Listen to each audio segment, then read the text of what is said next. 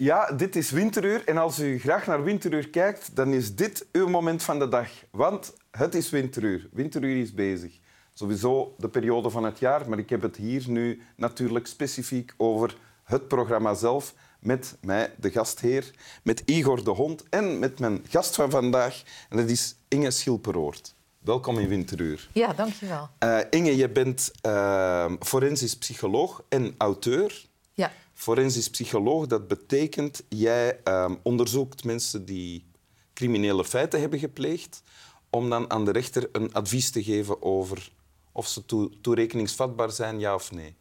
Ja, en, en in welke mate. Ja. En, en vaak komt er dan nog meer advisering bij kijken over een eventuele behandeling, ja of nee. Ja.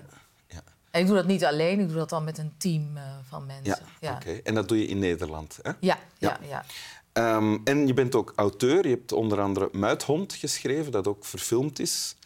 Um, door ja. Patrice Toye. Hè? Ja. Uh, in, in België. Is het dan eigenlijk een Belgische film of een Nederlandse film? Ja, een Belgische film. Belgische ja, film ja. Die ook wel wat prijzen heeft gekregen. Ja, zeker. Ja. En onlangs is um, als Het licht uitgaat... Nee, Het licht, het in, licht de in de stad. Het licht in de stad verschenen van jouw hand. Ja, klopt. Gaat dat ook verfilmd worden? Of weet je dat nog niet? Uh, niet dat ik weet. Nee, ja. maar... Um... En waar het eerste boek ging over een jongeman met pedofiele neigingen, gaat het nu over iemand die zich uh, tot de islam en meer bepaald het jihadisme aangetrokken voelt. En... Ja, het gaat over een uh, jong meisje, uh, een adolescent, die eigenlijk een soort die, die eenzaam is en eigenlijk een soort troost zoekt in het geloof.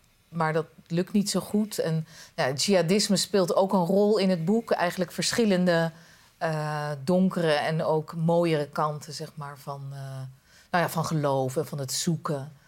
En ja. bij het schrijven van dat soort boeken put je ook uit je uh, professionele ervaring, neem ik aan. ja, bij beide boeken zijn wel dingen die ik in mijn werk heb gezien de inspiratiebron geweest. En dan uiteindelijk dan, dan bouw ik er een heel fictieve wereld zeg maar, omheen. Ja, maar ja. de kiem was beide keren wel en, in mijn en, werk en te uiteindelijk is de bedoeling dat als we een boek hebben gelezen, dat we onszelf en andere mensen beter begrijpen, denk ik. Klopt dat? Ja, nou ja, het is niet dat ik het echt met die bedoeling schrijf. Ik wil vooral dan een, een mooi verhaal schrijven. En, en ik, ik denk dat het ook steeds onderwerpen zijn die ik zelf beter wil begrijpen. En nou ja, als je uiteindelijk bij het dichtslaan van het boek dat gevoel hebt, is dat natuurlijk mooi. Ja, misschien is het wel uh, je bedoeling, maar weet je dat zelf niet, weet alleen jouw ziel dat. Ja, wie weet. Dat brengt ons bij het gedicht dat je hebt meegebracht. Wil je dat voorlezen? Zeker, ja. Het is uh, een gedicht wat ik las in het boek, boekje Windstilte van de ziel van Joke Hermsen, wat voor mij een heel belangrijk uh, boek is. Ja? En het is een gedicht van Zimborska, een Poolse dichteres. Nobelprijswinnaar. Zeker, ja. ja. En ik uh, lees nu een stukje uit, uh, uit een van haar gedichten over de ziel uh, voor. Een ziel heb je zo nu en dan. Niemand heeft haar ononderbroken en voor altijd. Dagen en dagen, jaren en jaren kunnen zonder haar voorbij gaan. Soms verwijlt ze alleen in het vuur en de vrees van de kinderjaren wat langer bij ons soms alleen in de verbazing dat we oud zijn. Bij het invullen van formulieren en het hakken van vlees heeft zij doorgaans vrij. Vreugde en verdriet zijn voor haar geen twee verschillende gevoelens. Alleen als die twee zijn verbonden, is ze bij ons. We kunnen op haar rekenen wanneer we nergens zeker van zijn. Wat een ziel is, daarop krijgen we geen antwoord in dit uh, gedicht. Maar wel nee. wanneer die ziel, uh, wat dat dan ook mogen zijn, uh, wel en niet verschijnt of aanwezig is. Ja, voor haar dan in elk geval. Ja, ja voor haar dan. Bij het hakken van vlees en het invullen van formulieren, nee. niet echt. Nee.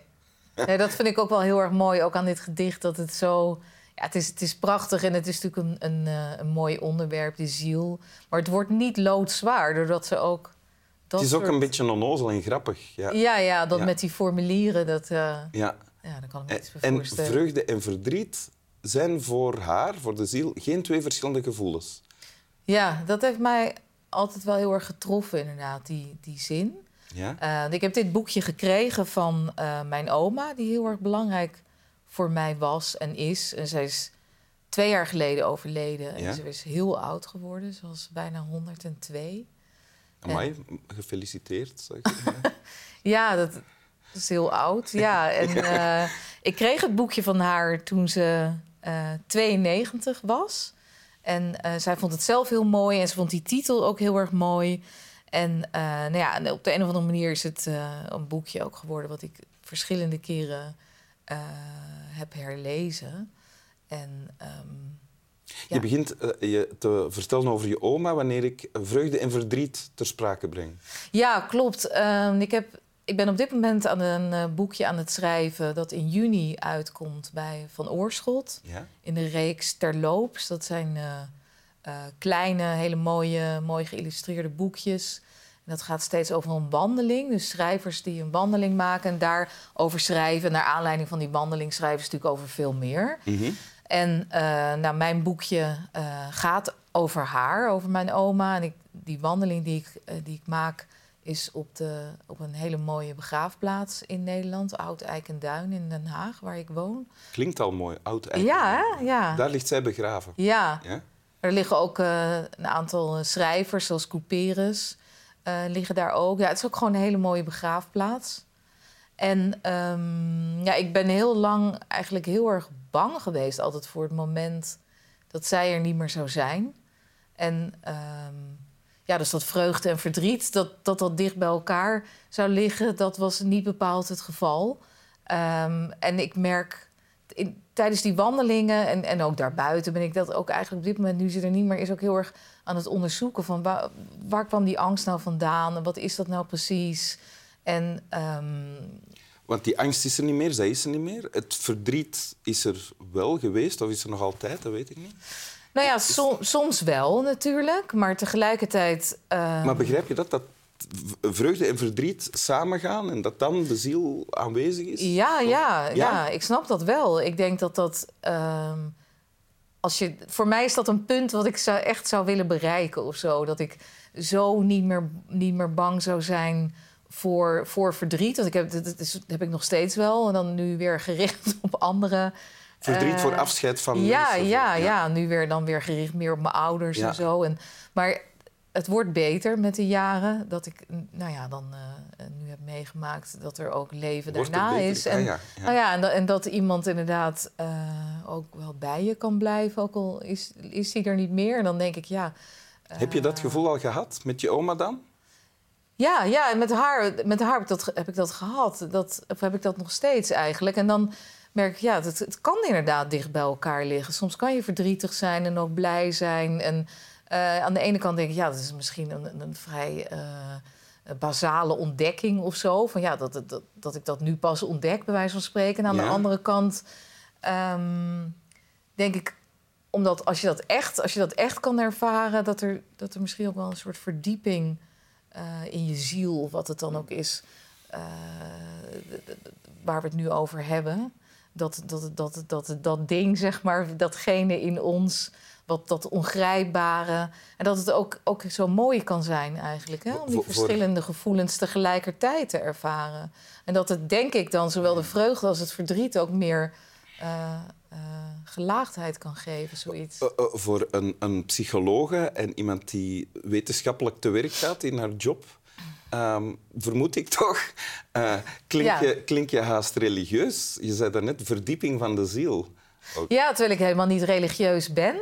Maar ik heb wel eh, altijd een soort eh, interesse wel gehad in, in religie. En ik heb me er ook wel in verdiept voor, voor mijn laatste boek natuurlijk.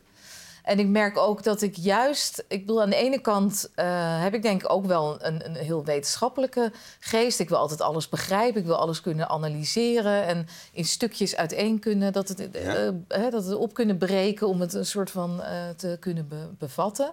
Dat doe ik natuurlijk ook in mijn werk. En tegelijkertijd vind ik soms, zeker in de huidige stand van zaken binnen de psychologie en ook de psychotherapie, dat het soms juist weer dat alles zo kwantificeerbaar gemaakt moet worden dat we ook daarmee iets verliezen. Ja. Namelijk dat ongrijpbare. En ik weet niet of je dat een ziel moet noemen of wat het ook is. En ik weet ook helemaal niet of het iets is wat, wat, wat blijft als je er lichamelijk niet meer bent. Geen idee. Uh, maar daar heb ik ook eigenlijk ja, niet zoveel zin om me daar dan heel erg druk om te maken. Want daar kom ik denk ik toch niet achter. maar uh, Joke Hermsen noemt het ergens in dit boekje de surplus. Hè? Van dat het, uh, zeg maar, als je alle de, de, de, de som der delen hebt, dat het van een mens, dat, dat er nog iets extra's is. Ja. En dat, dat denk ik wel. Of dat ja. voel ik wel. Inderdaad, niet als ik formulieren invul, maar op andere momenten kan je dat wel zo voelen. Nu bijvoorbeeld. Ja, ja, nou inderdaad. En, um... Wil je het nog eens voorlezen? Ja, dat wil ik, ja. Een ziel heb je zo nu en dan. Niemand heeft haar ononderbroken en voor altijd. Dagen en dagen, jaren en jaren kunnen zonder haar voorbijgaan. Soms verwijlt ze alleen in het vuur en de vrees van de kinderjaren wat langer bij ons. Soms alleen in de verbazing dat we oud zijn. Bij het invullen van formulieren en het hakken van vlees heeft zij doorgaans vrij. Vreugde en verdriet zijn voor haar geen twee verschillende gevoelens. Alleen als die twee zijn verbonden, is ze bij ons. We kunnen op haar rekenen wanneer we nergens zeker van zijn. Dank u. Slaap wel. Slaap wel. Slaap lekker. Slaap lekker, ja. En gefeliciteerd Gefelici Flapstaart. Dat zien jullie toch ook, hè? Nou, soms. Kinderen vooral, maar het wordt wel uh, gebezigd. Ja.